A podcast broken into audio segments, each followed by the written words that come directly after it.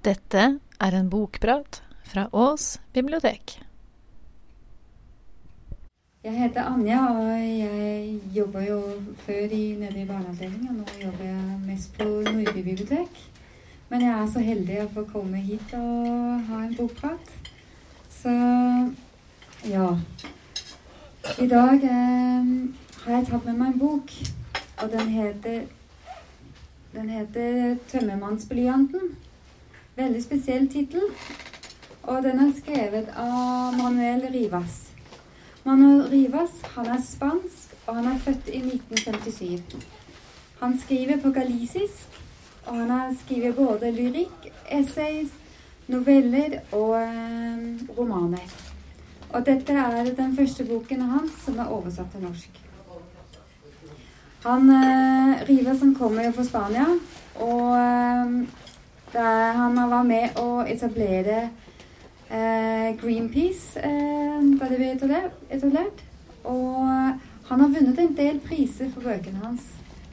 Og dette er en veldig spesiell bok, eh, må jeg si. Men eh, hvorfor jeg tok, valgte denne boken, det var før sommerferien, så tenkte jeg må finne meg en bok. Og så så jeg det sto 'Tømmermannsblyanten'. Og så husker jeg for faren min. For faren min, han Gikk alltid med en tømmermannsblyant bak øret. Og da tenkte jeg yes, det var en fin tittel. Og så tok jeg boken ut av hylla, og så så jeg på denne forsiden. Og så tenkte jeg å, det må være en eller annen kjærlighetshistorie og sånt. Og så leste jeg på baksiden, og så klarte jeg ikke få det til å stemme, det som er på forsiden. For det er ganske brutalt, det som er på baksiden. Så, så, så jeg lette lenge etter denne forsiden, og gjennom hele boken så hadde jeg nok danna meg noen andre forsider inni hodet enn akkurat denne forsiden. Men eh, jeg tok med den allikevel, og, og jeg syns jeg er veldig glad for at jeg har lest den. Det er en veldig um, tynn bok, eller smal bok, og, uh, men den er ikke enkel å lese. Eller du må bruke litt tid, for du må, du må tenke litt, og du må jobbe litt med den. Og uh, jeg måtte starte litt på nytt, fordi at uh, jeg var litt usikker på hvem er det som er hovedpersonen her. Og så trodde jeg først det var den ene, men så Nei, da må det være den andre. Så, så den er litt sånn eh, Du må tenke litt og må bruke litt tid på å lese den. Men eh, denne boken Den handler om eh, Spania i 1936. Rundt der. Og i 1936 så er det jo borgerkrig i eh, Spania. Og det er Francesco Franco som leder landet. Og han var jo kanskje ikke alltid den helt snilleste, så, som man vet. Men eh, denne boken den handler om tre menn. Tre veldig forskjellige menn. Og eh, den ene mannen, han heter Dabaika. Og han eh, er eh, utdannet doktor. Og folk kaller han doktor Dabaika. Og han er en, en veldig rank, stolt mann som eh, når han kommer inn i rommet, så fyller han hele rommet. Han er veldig trygg på seg selv og lar seg ikke vippe pinnen eh, av noe. Men så handler det også om en annen mann. En annen mann som vi ikke hører navnet på, men som blir omtalt som maleren. Og denne maleren han har jeg lyst til å lese litt om. Han blir omtalt av maleren hele veien i boken igjennom. Jeg skal ikke røpe for mye om denne maleren, så da får du lese litt selv. Men, eh, men, jeg har lyst til å lese litt om maleren først. Maleren hadde en dag dratt til asylet i Kongsol. Han ville male sykdommens landskap, de sporene og fuglene som den psykiske smerten hadde risset inn i menneskets ansikt. Ikke på grunn av en morbid interesse, men fordi han var dypt fascinert. Vi snur oss uveigelig bort fra dem som er syke på sinnet, tenkte maleren. Frykten for den gale er sterkere enn medfølelsen, som iblant aldri viser sitt ansikt. Kanskje, trodde han, fordi vi fornemmer at den, denne sykdommen er en del av en felles sjel, og at den er fri, ubundet, og velger seg en kropp etter for godt befinnende. Derfor forsøker vi å gjemme bort den syke. Maleren tenkte tilbake til guttedagene. I et av nabohusene var det et rom som alltid var avstengt. En dag hørte han et skrik og et skrål derfra, og spurte hvem er det? Kvinnen som eide huset, svarte ingen. Maleren ville avbilde eksistensens usynlige sår. Asylet var et skremmende sted, ikke fordi de syke opptrådte truende overfor ham. Det gjaldt bare noen få, og de viste seg frem for han med ritualer, nærmest symbolske fakta og geberder. Det som gjorde dypest inntrykk på maleren, var blikket til de som ikke så. Denne oppgivelsen av verden omkring, det absolutte ingenstedet de vandret rundt i. Med sjelen i hånden følte han ikke lenger frykt. Blyanten følte angsten, rådvilligheten, som, og som fe, i feber vandret hånden i slynge mellom murveggene. Da maleren omsider kikket på klokken, så han hadde vært det lenge enn avtalt. Det begynte å bli mørkt. Han grep tegneblokken og gikk mot utgangen. Døra var boltet fast og låst med en diger hengelås. Det var ingen der. Maleren ropte på vaktene, først lavt, og så brølte han. Han hørte kirkeklokkene slå. Klokken var ni. Han var en halv time for sent ute. Og det var jo ikke så mye. Hva om de hadde glemt ham? I hagen sto en galning med armene slynget rundt stammen på et byksbomtre. Maleren tenkte at treet hadde stått der i minst 200 år, og at han som klynget seg til den, søkte noe fast og sikkert. Minuttene gikk, og maleren så seg selv skrike av angst, mens mannen ved treet på så på ham i soldaisk medlidenhet. Da kom en smilende, velkledd ung mann bort til ham og spurte hva som sto på. Og maleren fortalte at han var maler, og han var kommet dit for å male de syke, og han hadde glemt tiden. Og den unge, den unge velkledde mannen sa meget alvorlig det samme skjedde meg. Og så la han til. Og her har jeg sittet innesperret i to år. Malai kunne se sine egne øyne, og i dem var alt hvitt som snø, med en ensom ulv i horisonten. Men jeg er ikke gal, sa maleren. Det samme sa jeg. Da han, da han så maleren var på nippet til å få panikk, smilte han og sa Det var bare en fleip. Jeg er lege, bare ta det med ro, så går vi ut. Og slik ble maleren kjent med doktor, doktor Dabaika, og det var begynnelsen på en nært vennskap. Ja, dette er sånn eh, maleren og doktor Baika møter hverandre. Og eh, maleren han er helt spesiell, eh, som dere kan få lese om når dere kan låne boka. Men eh, det handler jo ikke bare om disse to mennene, da. Det handler også om en annen mann. Ja, og det handler om en mann som heter Habal. Og Habal, han er en av Franco sine menn og jobber som fangevokter. Ja, og eh, Habal, han kjenner godt dr. Baika. Men dr. Baika, han kjenner ikke han. Men eh, han, har nok, han har nok ikke det beste bildet av dr. Baika, eh, han eh, Habal. Jeg har lyst til å lese litt om Haval. Det var etter valget i februar 1936, der Folkefronten vant. I all hemmelighet samlet sergeant Landesa en gruppe med menn han stolte på, og det første han sa til dem, var at møtet aldri hadde funnet sted. Få det inn i hodet. Det vi snakker om her, det har vi aldri snakket om. Det fins ingen ordre, og det fins ingen, instrukser. Det fins ingen ledere, og det fins ingenting. Bare jeg eksisterer, og jeg er Den hellige ånden. Ingen har lov til å si noe når de går ut herfra. Jeg vil at dere skal skrive en roman om hver og en av disse typene. Jeg vil vite alt. Da han delte ut listen over personer som skulle overvåkes, noen offentlige, andre ukjente, merket Herbal en prikkende følelse på tungen. En av dem som sto på listen, var doktor De Baika. Jeg kan godt ta med han, så kjent. Jeg kjenner fyren. Men kjenner han deg?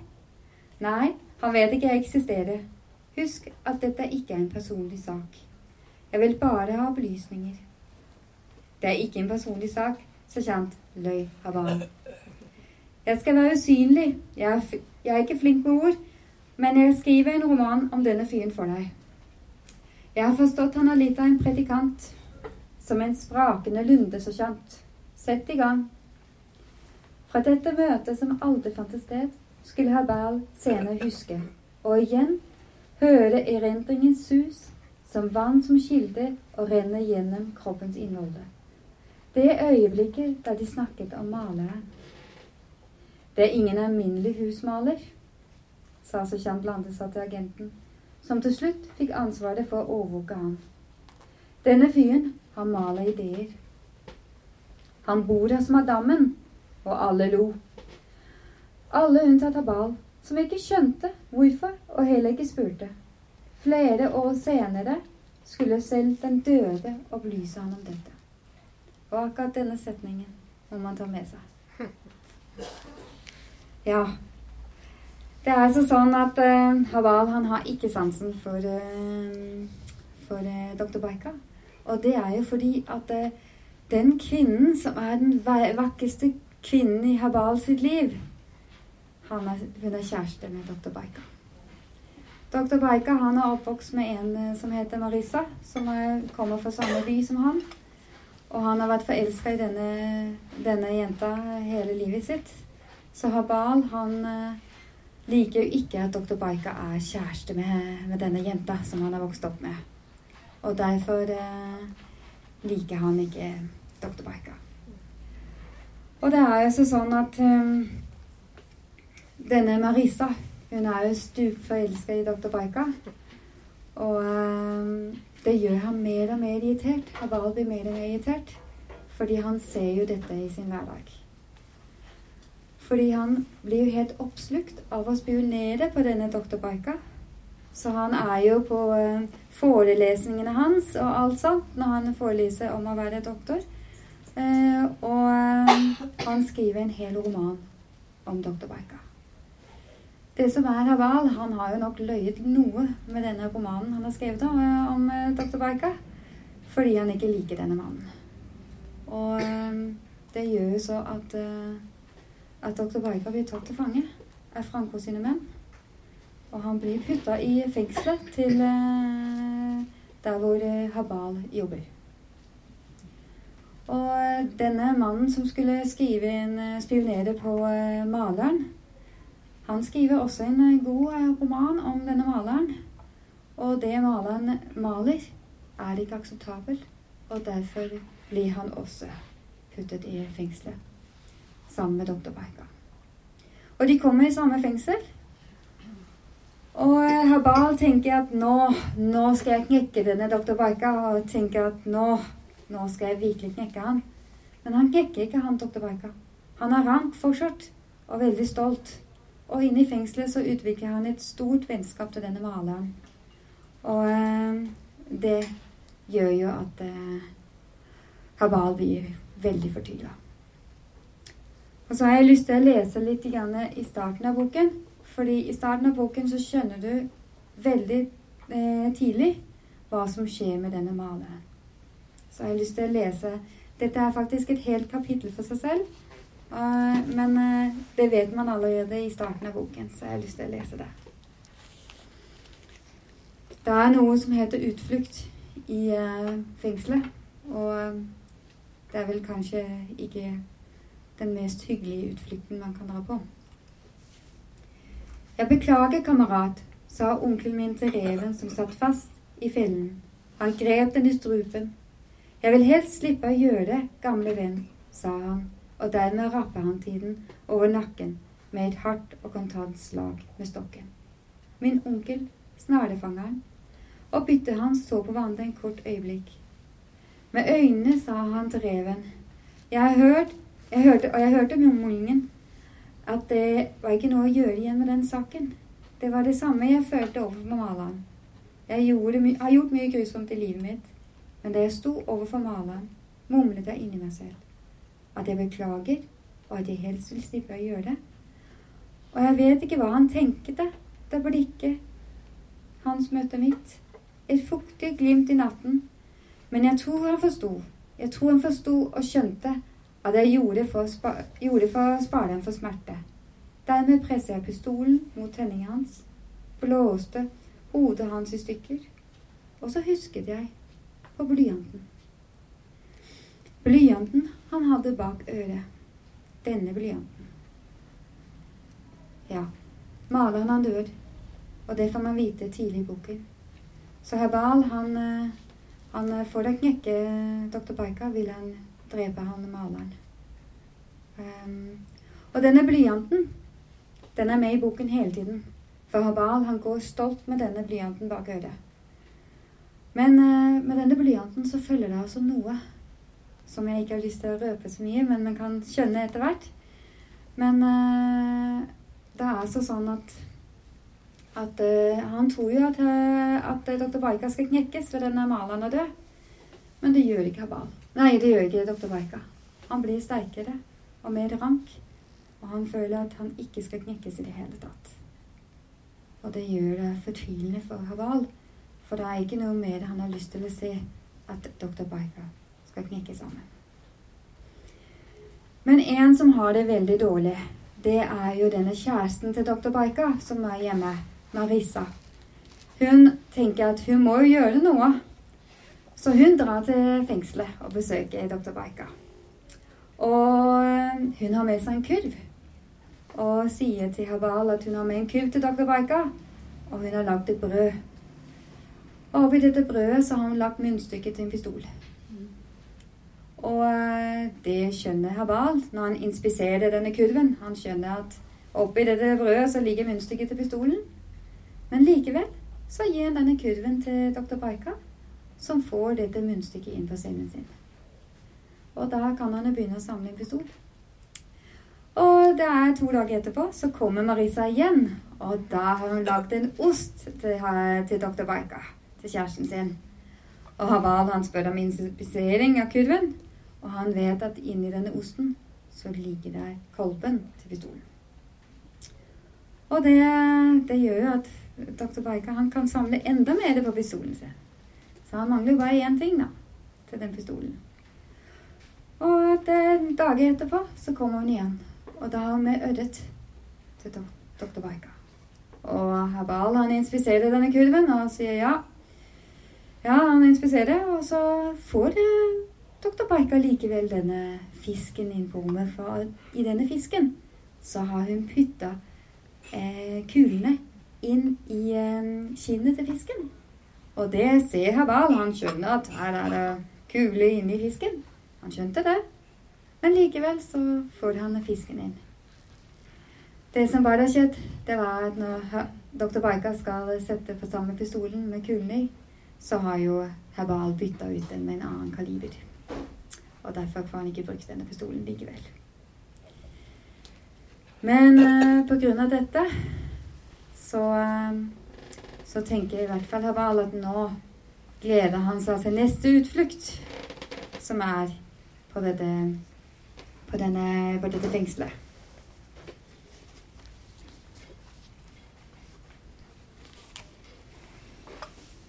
Og det er jo også sånn at, at uh, det er jo ikke noe hyggelig i dette fengselet. Men hele kvelden venter Habal på en anledning til å melde seg frivillig til nattens utflukt. For det var underlig det der, uten forsvarsel, som om månen skulle ha noe med det å gjøre. Visste de alle når det var blodnatt. Og i eksklusjonspilotongen det betyr en sånn henrettelsesgang. Eh, med dr. Baika foran seg virket han mer uberørt enn noensinne. Som om han aldri hadde sett ham før. Men etterpå, da han rettet våpenet mot ham, tenkte han på onkelen sin.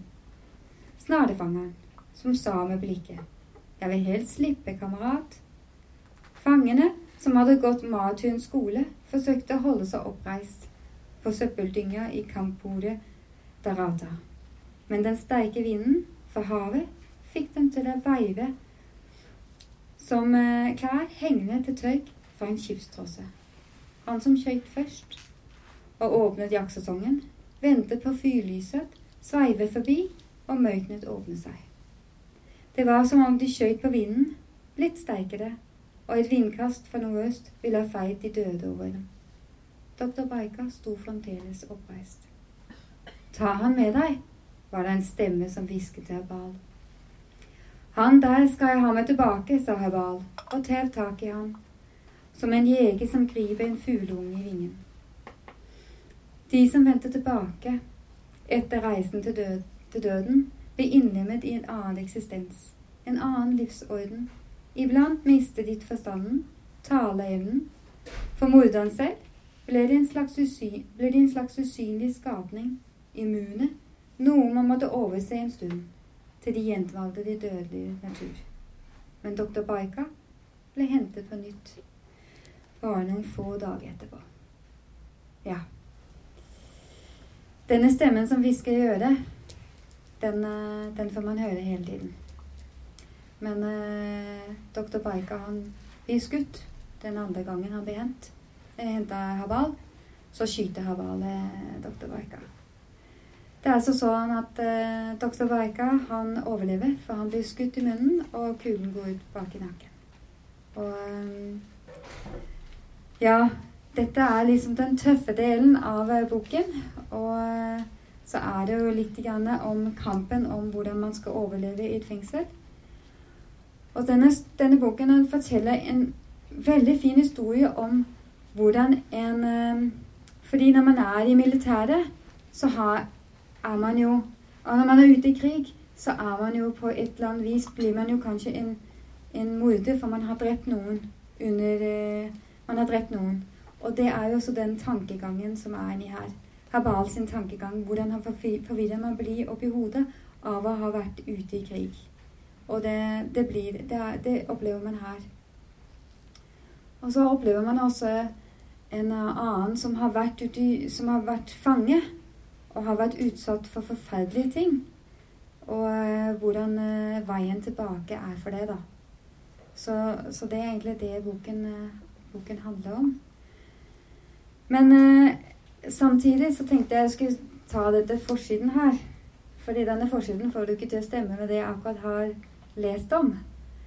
Men denne forsiden er på en togstasjon. Og denne togstasjonen, for den er nesten lesom selv. Men eh, jeg lette lenge etter denne, dette bildet. Men jeg, det, skjønte det etter hvert når jeg hadde lest en, eh, lest, lest en del i den. Og den kommer mer på slutten.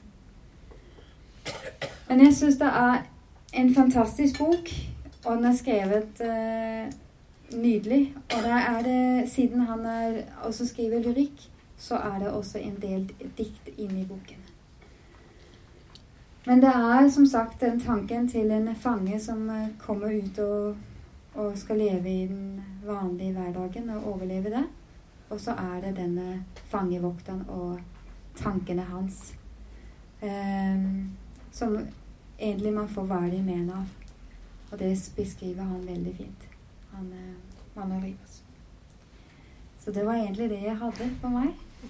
Og denne boken kan dere få låne, og den eh, ligger borti, eh, borti skranken. Litt tøff bok, så Men eh, veldig fin. Anbefaler å lese den.